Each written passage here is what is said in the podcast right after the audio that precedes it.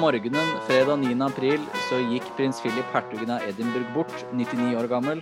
Og lørdag 17. april så ble han gravlagt, og det er i dag tema for ukens episode og denne bonusepisoden av Undersåttene. Jeg skal derimot ikke prate om denne begravelsen alene. For med meg så har jeg fått uh, Se og Hørs kongehusekspert, Karoline Vagle. Velkommen. Tusen takk. Og du uh, kommenterte jo faktisk uh, begravelsen på TV 2. Ja, det var jeg så heldig å få være med på sammen med Trond Norén Isaksen. Og så var jeg også på Dagbladet-TV og snakka om det der, så det gikk i skytteltrafikk den dagen. Ja, det må ha vært en rimelig, rimelig busy uke, sånn sett. Ja, ja, absolutt.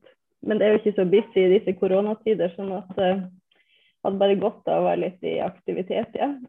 ja, ja, bruke de små grå. ja. Hva, hva, tenkte du da du leste at uh, hertugen hadde gått bort? Du, han var jo ganske gammel, sånn at det var jo ikke en, uh, en overraskelse. Han hadde jo også vært syk, og vi hadde sett bilder av han hvor han så ganske sliten ut. Og når man nærmer seg 100, som han jo gjorde i aller høyeste grad, så, så er det jo ikke noe overraskelse. Men det er jo alltid sørgelig når noen går bort. Og det er jo en mann som har, har vært der så lenge jeg kan huske, og, og det er få briter som kan huske noe annet enn at han har vært eh, der to skritt bak dronninga. Så, så trist, trist var det jo. Og det var jo en, en, spesiell dag i kongefamilien generelt, da, den 9. april. For det var jo faktisk, fant jeg ut i etterkant, eh, årsdagen for eh, dronningmorens begravelse i eh, 2002. Og 16 års bryllupsdag for prins Charles og hertuginnen av Cornwall. Ja, så det var Ja, da har de mange ting å markere den dagen. ja, det er mange ting på den knaggen. Det var jo bare 30 stykker eh, til stede i begravelsene. Og hvem var eh, disse gjestene? Du, eh, ja, det var jo egentlig skulle jo vært 800 gjester. Så dronninga og hennes eh, hjelpere fikk jo en vanskelig jobb med å skulle velge ut bare 30 stykk eh, som skulle eh, komme i begravelsen. Så alt av sånne offisielle gjester ble jo eh, luka bort, og så var det bare de aller, aller nærmeste. og da var det selvfølgelig deres fire barn eh, og de tre av dem som har ektefeller. Eh, altså Charles og Anne og Andrew og Edvard. Og så var det barnebarna. Eh, og også de som har eh, ektefelle av barnebarna. Vi vet jo at prins Harry kom alene fra USA. Helgine Megan var ikke med fordi eh, hun er gravid og var blitt fraråda å komme. Eh, men det er kanskje en, en hel podkast i seg sjøl. ja, det kunne det så absolutt vært. Og jeg tenkte vi skulle komme, komme tilbake igjen til det etterpå. Ja, ja. Eh, I tillegg så var det jo eh, eh, andre slektninger eh, som altså dronning Elisabeth sin søster Margaret sine to barn. Jarlna Snowden og lady Sara Chateau, eller hvordan man sier det hun også med ektefelle. Og så var det dronningens fetter, hertugen, nei, hertugen av Gloucester og altså prins Richard. Og så var det hertugen av Kent, som også er dronningens fetter. Prinsesse Alexandra, som var dronningens kusine. Og så var det disse tyske som mange lurte på, som ja. aldri hadde hørt om, med Bernhard, arveprins av Baden og eh, prins Donatus, landgreven av Hesse og sånn. Og det er altså Eh, for prins Philip hadde jo eh, søstre som bosatte seg i Tyskland. Um, og disse søstrene fikk ikke lov å komme i bryllupet når han gifta seg, uh, fordi at noen av de skulle ha en viss tilknytning til uh, nazismen. Uh, men eh, han har hatt et, et, godt forhold til familien i senere tid, og de her tre var på en måte representanter for prins Philip sin familie. da. Og så var det jo eh, ei dame som også mange lurte på hvorfor var der, eh, grevinne eh, Montbetten av Burma, eh, som heter Penelope eh, Husker du? Natchbell? Ja. Eh, som eh, jeg tror jeg var gift, eller gift med Philip sin gudsønn, men det er også eh, familiært. Og hun har vært ei veldig nær venninne av prinsen i mange, mange år. Eh, de skal ha møtt hverandre første gang da hun var 20 år under en polokamp, og så har de beholdt det nære vennskapet. Eh, og bl.a. Eh, kjørt mye hest sammen. Og malt akvarell, har jeg lest. når, han, når han pensjonerte seg i, i 2017 og slutta å representere sammen med dronninga, så, så var hun her dama eh, veldig hyppig på besøk, har jeg skjønt, på sendring hjemme hos prinsen. Eh, så hun eh, var visst en helt sånn eh, selvskreven gjest, selv om mange som kanskje ikke følger så godt med, var litt overraska over Eh, her, at denne dama var valgt ut blant de 30. Da.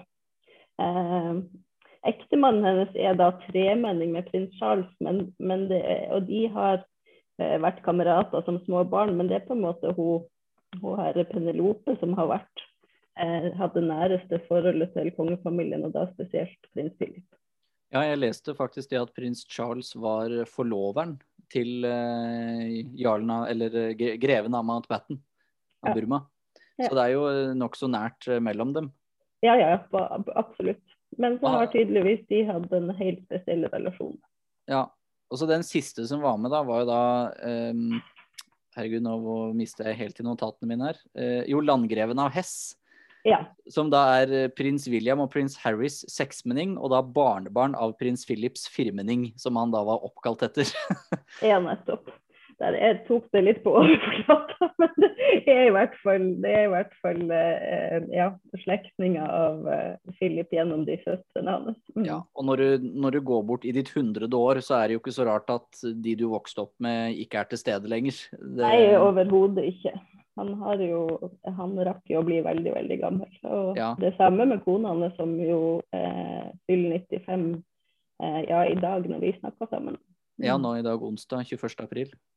Det er uh, Prins Philip har alltid vært favoritten min av uh, verdens uh, kongelige. Og nettopp det pga. den rike familiehistorien som han har, da. Fra ja. liksom født prins Hellas og, av Hellas og Danmark. Han er jo en av de siste generasjonene av greske kongelige som også hadde tittelen prins av Danmark. Ja. For den er vel ikke i bruk nå lenger, hvis jeg husker riktig? Det er jeg helt sikker på at du gjør. Jeg tror, jeg tror, veldig mange at han har gått litt sånn hus forbi for mange, men etter at eh, eh, veldig eh, mange i verden rundt har sett The Crown, så tror jeg mange har fått et nytt inntrykk, selv om det er jo må huske at det er på en måte fiksjon basert på virkelighet, så tror jeg likevel at veldig mange eh, er blitt interessert i han som person og historien hans og har fått øynene opp for eh, både den jobben han har gjort og, og hvem han var. og hva han har gjort. Mm. Ja, det, det, er jo det fine med slike historiske serier basert på virkelige hendelser, er jo at det gir, um, det gir jo at man, man, tenner en interesse, da. Mm. Og det er jo en ting jeg liker, ettersom jeg studerer historie. ja. Ja. Men, men, så kommer vi da til selve uh, kall det begravelsen hvordan det gikk for seg. For det var, det var kjempestort eh, militært oppmøte. Eh, selvfølgelig mye mindre enn det det egentlig skulle vært, hadde det ikke vært for en pandemi. Men eh, til tross for det så var det vel da rundt 700 eh, eller 800 eh, militære tjenestemenn på plass. Eh, både mm. av de som da skulle gjøre sin siste honnør til prinsen, som hadde mye militær tilknytning. Ja, han tjenestegjorde jo under andre verdenskrig for det britiske forsvaret. Så jeg, jeg, så det at uh, rundt båren hans, idet den ble kjørt til St. Georgs kapell, så var det da representanter for hver våpengren innad i det britiske forsvaret. Eh, og det var, det var en spesiell bil som kjørte han dit? Ja, eh, det sies jo at prinsen har eh, planlagt hele begravelsen sjøl til punkt og prikke, og har drevet med det et kvart århundre. Når man er så gammel, så har man kanskje lenge på en måte begynt å tenke i de baner. Eh, og, og blant annet så har han da eh, designa eller hva jeg skal si, sin egen bårebil, som jo var veldig annerledes enn det vi er vant med å se i sånne, situasjoner. Det var en, eh, en ombygd Land Rover som så i, malt i militærfarge etter ønske fra prins Philip. Eh, og det her er visst et arbeid han begynte å, å, tenke på allerede da han var 82 år, eh, og gjorde de endelige justeringene i 2019. Eh, og Land Rover han har hatt et veldig tett forhold til. Det er jo et britisk bilmerke og kjørt tror jeg, alle modeller som har funtes. og ny modell hvert år og, hadde veldig tett tilknytning til det. Så jeg syntes det var litt kult. Og den så ut som en litt sånn uh, militær lastebil egentlig, som kom kjørende. Så, så i prosesjon eh, til St. George eh, kapellet. da, og så, var, så kom jo eh, familie, deler av familien gående bak. Og så kom jo dronninga kjørende i en Bentley bakerst, så det er vel kanskje første gang ever at han ikke har gått to skritt bak, men fikk lov å, å være forrest. Mm. På sin siste reis. Ja. Det, det var jo en veldig, veldig typisk prins Philip, slik man på en måte har uh, lært seg han å kjenne via media. Da, at det er slik jeg vil ha det, når jeg vil ha det. mm, nettopp. Og han, han, skulle jo ha sagt en gang dronninga spurte hvordan han ville ha begravelsen. Bare putt meg bak på en Land Rover og kjøre meg til Windsor. Eh, og det var jo det han fikk oppleve. Nå ble han jo bare kjørt en liten bit, for de var jo på Windsor. Det er der de har oppholdt seg det siste året. Eh, I sin egen lille kohort, bare de to, eh, som dronninga har uttalt etter han døde at hun var veldig glad for, for de fikk så mye mer tid sammen enn de vanligvis har. da. Eh, men eh, sånn at det var jo en kortere kjøretur enn det ville blitt i utgangspunktet hvis det ikke hadde vært korona. For da ville det jo ha vært en militær, militær parade eh, i London, vel. Ja, det er jo eh, ofte sånn det hadde blitt uansett. på en måte At han mm. hadde mest sannsynligvis blitt kjørt i kortesje fra London til Windsor. Mm. Og deretter så hadde begravelsen tatt sted, da. Mm. Men uh, samtidig så tenker jeg at altså, han vil jo ikke ha så mye oppstyr og mindre pomp og prakt enn det egentlig er i det britiske kongehuset. Så sånn sett så, så, var kanskje koronaen med å hjelpe, hjelpe, til at det ble enda mer sånn som han kanskje hadde sett for seg. Ja, han må jo smile til bredt hvor enn han var enn da. ja. Og det var jo, eh, var mye symbolikk bare i, i, kista hans, som da var en eh, eikekiste eh, lagt med bly. Eh, og så ja. vidt jeg husker, så har jeg lest en plass at eh, kista til prinsesse Diana av Wales, da hun ble gravlagt, veide 250 kilo. Og var bygget på sånn cirka samme måte. Mm. Og det samme gjelder ved da sikkert hans kiste. Ja, altså de, eh, de, har bly i kisten for at lev, levningen på en måte skal eh, holde bedre. Eh, skjønner ikke helt det. Men, men, det sies i hvert fall at eh, kisten, kisten, var bestilt for ganske lenge siden, for den skulle være i britisk eik, og det er visst vanskelig å få tak i. Eh, man bruker altså i større grad amerikansk eik, og det hadde jo ikke gjort seg på for prins Philip. Så det skal også være kjøpt inn kiste til dronning Elisabeth og allerede i samme i samme materiale. Og så er det dette blyet da som gjør det så tungt. Så det, den er jo bokstavelig talt uh, blytung, denne kista. Uh, uh, og oppå kista så lå det jo et flagg som representerte på en måte eh, hvem han var. det er liksom hans flagg som både man ser at han har vært altså han var jo dansk og gresk prins, som du sa, før han gifta seg. og det var også så eh, kommer kom det frem at han var hertug av Edinburgh. Eh, og så hva har jeg glemt da? Det var jo noe mer. Det var jo da det, det greske flagget eh, ja. som var der. Og som, som, sagt da, eh, du nevnte Danmark, og det var jo da de tre riksløvene til Danmark ja. med hjertene rundt. Mm. Og så var det de to svarte stripene på eh, hvit bakgrunn som tilhører da Battenberg eller Mountbatten-familien. Ja. Mm. ja, som er hans eh, familie før han blir gift. Eh, og så lå det jo også et sverd eh, oppå kista som skulle være eh, Som jeg leste i dag først at han hadde um, fått fra sin svigerfar, kong George. Um, og så var det vel en, en sånn marinelue fra den som på en måte representerer hans tilknytning til Forsvaret, som um, har vært et langt liv. Og så var det jo da en eh, stor krans oppå der med et lite kort på, som det senere kom fram at var fra dronningen, hvor det sto uh, 'Your loving Lilibet'. Og ja, det var det... Ja, kallenavnet hennes. Ja, det var jo uh, det søteste av alt. det var det jo. Og uh, kisten ble jo da båret av personell fra The Royal Marines da de kom fram til St. Georgs kapell. Eh, og da var det jo ett minutts stillhet på, midt på trappa eh, mm. der. Som Tenk hvor tungt, og tungt å holde den blytunge kista da. Ja, det, det, må ha vært Det var, var godt at de hadde sine skulder, hverandres skuldre å, lene seg på. Og der er jo da altså at det blir blåst i noen marinefløyter. Eh, som, mm. som, er var, jeg, jeg fikk ikke helt med meg om det var typisk for begravelser av marineoffiserer, eller om det var typisk for kongelige? Jeg tror jeg leste Nei, det der det er faktisk jeg var litt usikker på. Uh, uh, ja, nei, det tør jeg ikke å si helt for sikkert. Nei, for jeg fikk, fikk, jo bare fulgt med på, på NRK ettersom uh, jeg var på jobb, og da var det, der er bare NRK som gjelder. Jeg jobber jo ja. på et omsorgshjem, så da og men der sa jo kommentatorene det at uh, kong Harald uh, har jo også sin egen fløyte når han embarkerer og disembarkerer uh, kongeskipet. Kongeskipet, ja.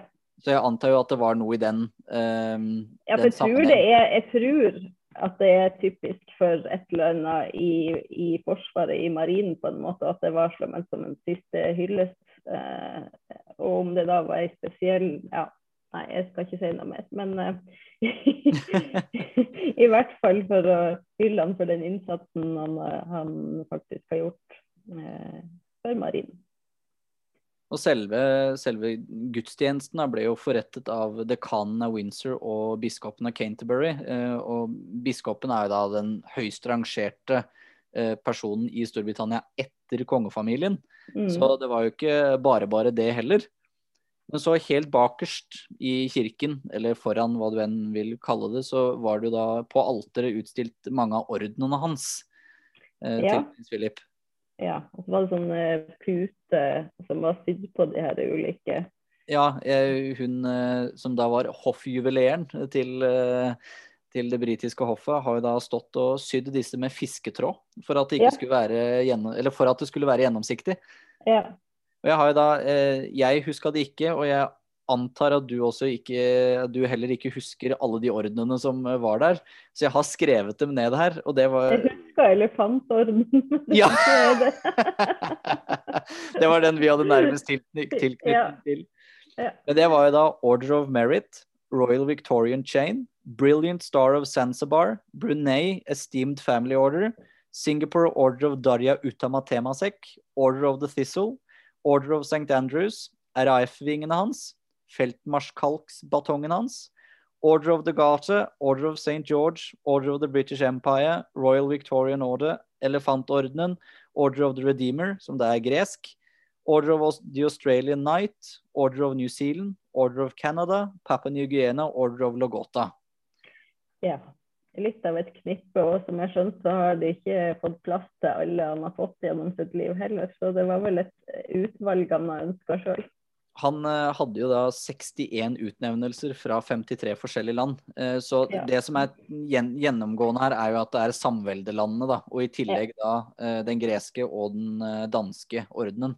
Ja. For den danske ordenen er faktisk en av de eldste Eh, så vidt jeg Eller først, i 19, 1946, så fikk han den eh, greske.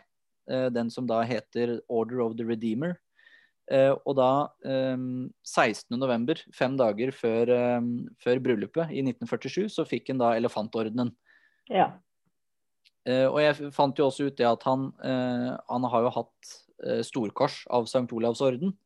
Og det mm. ble han utnevnt til av kong Haakon den 7. i 1952. Så det, det, det er jo bare et bevis. hvor gammel han er. Han kjente alle våre tre konger. Han, han var, det var kong Haakon som var representert fra Norge i begravelsen, nei, jeg mener i bryllupet til eh, dronning Elisabeth og prins Philip. Eh, det, er, så, det er ganske, ja. ganske, rått. Det er sterkt, som det heter i ja, dagens språk.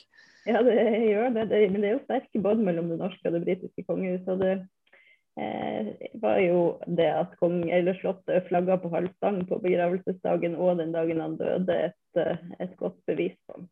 Og det ser du også i de andre eh, skandinaviske kongehusene, som også mm. flagga på, på, halv stang. Både dødsdagen og begravelsesdagen. Mm.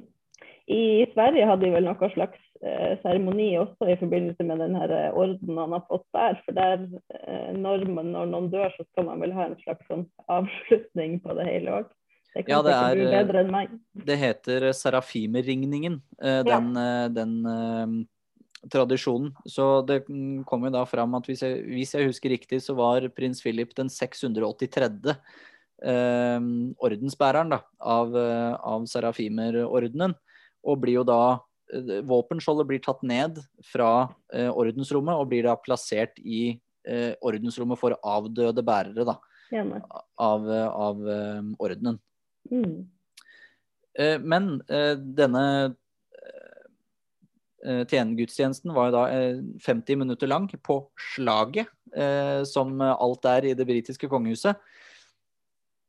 Og mens kisten da blir senket ned, så spiller jo da en sekkepipespiller en melodi. eh, og i, akkurat idet kista treffer der den skal stå, så går sekkepipespilleren ut av eh, bildet, som i seg selv bare var gripende. Mm. Men i motsetning til hva folk tror, så er jo ikke dette prinsens siste hvilested. Nei, han, eh, han skal først ligge i en sånn kongelig krypt eh, og faktisk vente på dronning Elisabeth eh, når hun eh, dør, som jeg tror fortsatt kan være mange år til. Eh, De har jernhelse i den familien. Eh, Så skal han flyttes eh, i en sånn minnekrypt for tidligere regenter og deres ektefeller. Så han er faktisk på et midlertidig sted. Det er jo da der som den, den, Det heter Kong Georgs minne, minnekapell, som Mm. da er bygd eh, ved siden av um, Sankt Georgskapellet. Eh, og ble jo da ikke ferdigstilt før eh, på 80-tallet en gang, tror jeg. Og jeg husker ikke om det var 60- eller 80-tallet. Det var i hvert fall etter kong George den 6. hadde gått bort. Eh, og der ligger jo allerede eh, kong George den 6., da. eh, dronning Mm. Elisabeth, dronningmoren, og prinsesse Margaret, som Mm. av de to siste døde, allerede, døde i 2002. Med bare en måneds, måneds mellomrom. Mm. Og ja, nå venter jo bare da på at dronningen skal, skal gå bort, da. Mm. Og som du sier, så Jeg tenker og håper at det skal være et monarkisk 100-årsjubileum eh, i Storbritannia. Så det er jo Ja, bare å altså- krysse fingra.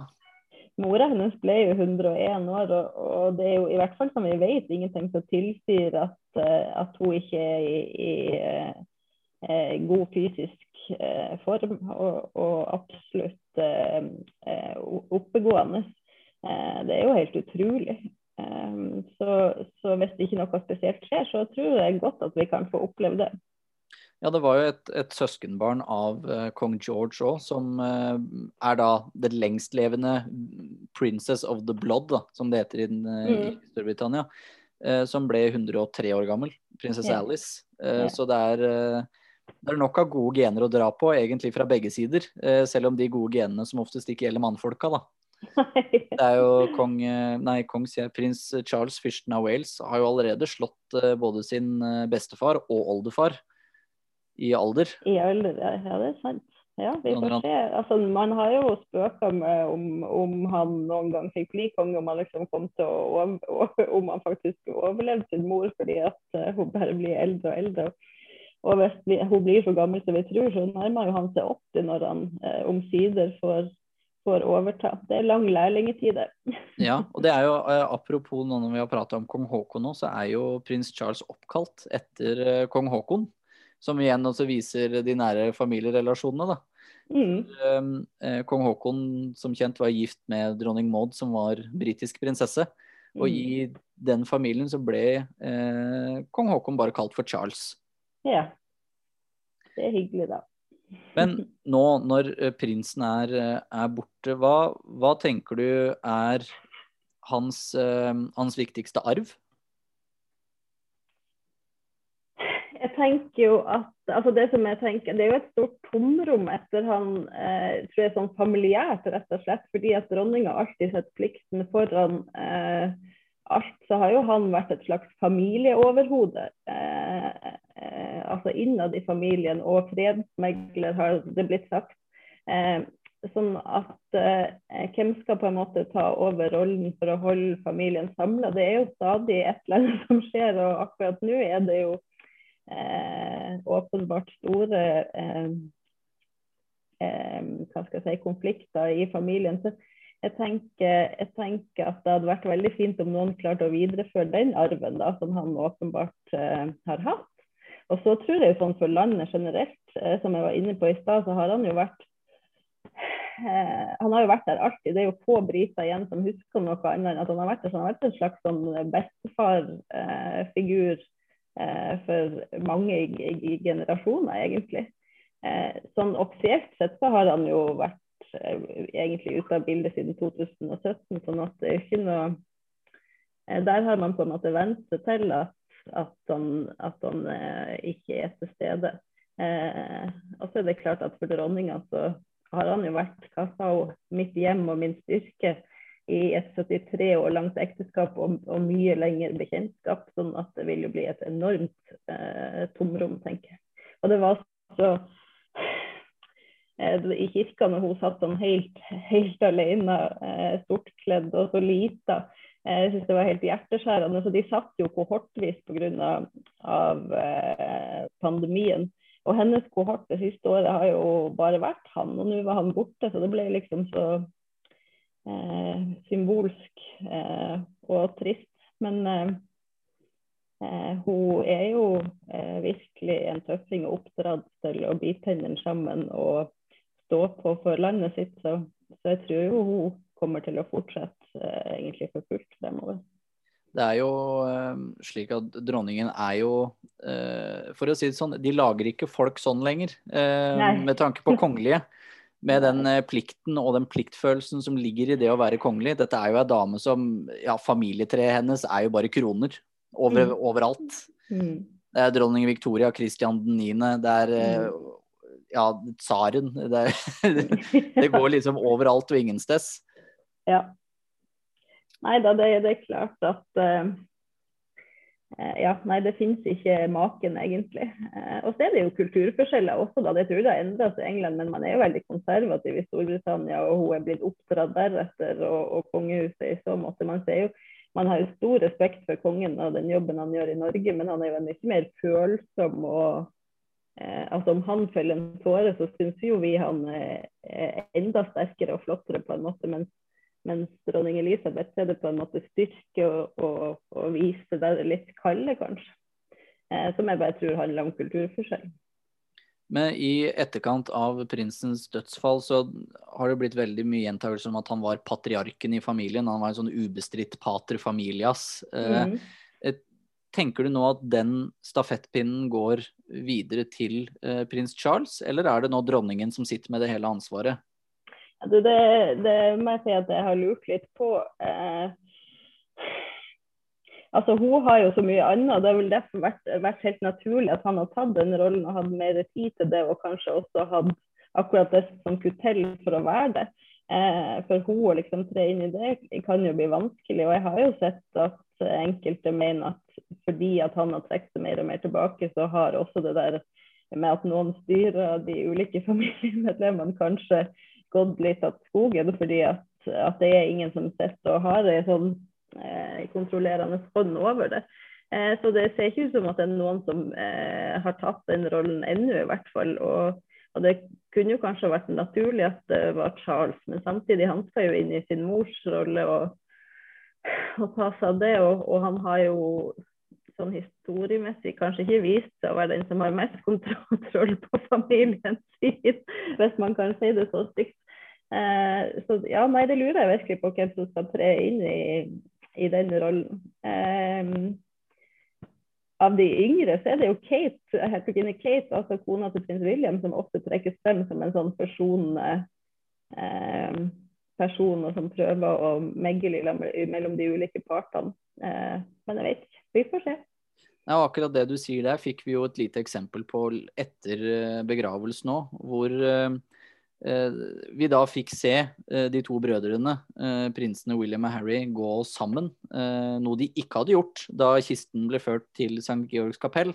Og der ser man jo, eller så man like etterpå, at hertuginne Catherine trekker seg litt tilbake, så mm. prinsene får gå alene. Mm. Det oppvaskmøtet der skulle jeg gjerne vært på. Altså, er det noe jeg har lyst til, så er det å være på det oppvaskmøtet. men, uh, jeg syns faktisk det er litt uh, trist. Tenk på den historien de to guttene har. Eh, de brødre tett. Og så, altså når de mista mora si eh, og fikk et enda sterkere bånd, og så og så blir det ødelagt. Så jeg har jeg har et veldig sånn eh, varmt hjerte for begge to og håper at, at, det skal ordne seg. Men det er klart at det har vært eh, eh ganske mye som har skjedd så, som eh, kanskje ikke eh, lar seg, at det lar seg gjøre med forsoning på én dag. Det var jo i forkant mye spekulasjoner rundt nettopp det her, og eh, om vi skulle få se de to brødrene gå bak kista i lag, og så kom beskjeden om at de skulle skilles av sin fetter eh, eh, Peter Philip, som er, er sønnen til prinsesse Anne. Um, og så vet jeg ikke Men jeg, altså jeg tror spekulasjonene er der uansett. Om det ville ha gjort så stor forskjell fra eller til, vet jeg helt ærlig ikke. Men så fikk vi altså se at de snakka sammen. Og da hørte jeg at de hadde sagt på BBC at det var Charles, for egentlig så skulle alle inn i biler og kjøre videre, men så hadde prins Charles sagt at han heller ville gå. Og da hadde liksom resten av gjengen fulgt på. Eh, Og så kan man jo spekulere om at han hadde en eh, baktanke med det, og at det nettopp var det som skulle skje, men, men, det blir jo bare spekulasjoner. Kanskje han tok en sånn rolle da, som sånn eh, familieoverhode eh, og skulle prøve å ordne opp, jeg vet. Men det så jo, altså det at det så hyggelig ut der og da, trenger jo ikke bety noe. Det sa jo faktisk prins Harry i det her berømmelige operaintervjuet, at, at var det noe de var gode på, så var det å tørke tårene og gå ut og smile. Så Eh, de kan jo late som disse folka. Det, det er sikkert og visst, og jeg er veldig glad jeg ikke var uh, prins Harry på det flyet til Storbritannia. For da, hvis blodtrykket ikke var høyt da, så blir det aldri det. Nei. og det må jeg si at og, altså, det var jo tre stykker som satt sånn ensom og forlatt i, i, i, kirka. Det var jo dronning Elisabeth, og så var det prins Harry fordi at han ikke hadde kona med seg, og så var det prins Andrew som jo er den andre som har laga skandaler i, i, kongehuset de siste par årene. Så det, eh, ja, det, litt, det, blir litt spesielt. Og jeg tenker for prins Harry sist gang han var i den kirka, så gifta han seg, og alt var bare velstand. Og så har han ikke vært hjemme nå på over et år og skal møte familien igjen. Jeg tipper han fikk mer enn en ei kald skulder. Det, det, er det sikkert og visst, og det er jo spennende å skulle følge med på den britiske kongefamilien videre. Men vi kan nok begge være enige om, om at eh, den kongefamilien nå er litt tristere. Ja, det vil jeg absolutt uh, påstå at det er. Og med det så sier jeg uh, takk for følget. Tusen takk for at du ble med meg, Karoline Vagle. Veldig artig. Så hyggelig. Og til alle dere lyttere, vi lyttes.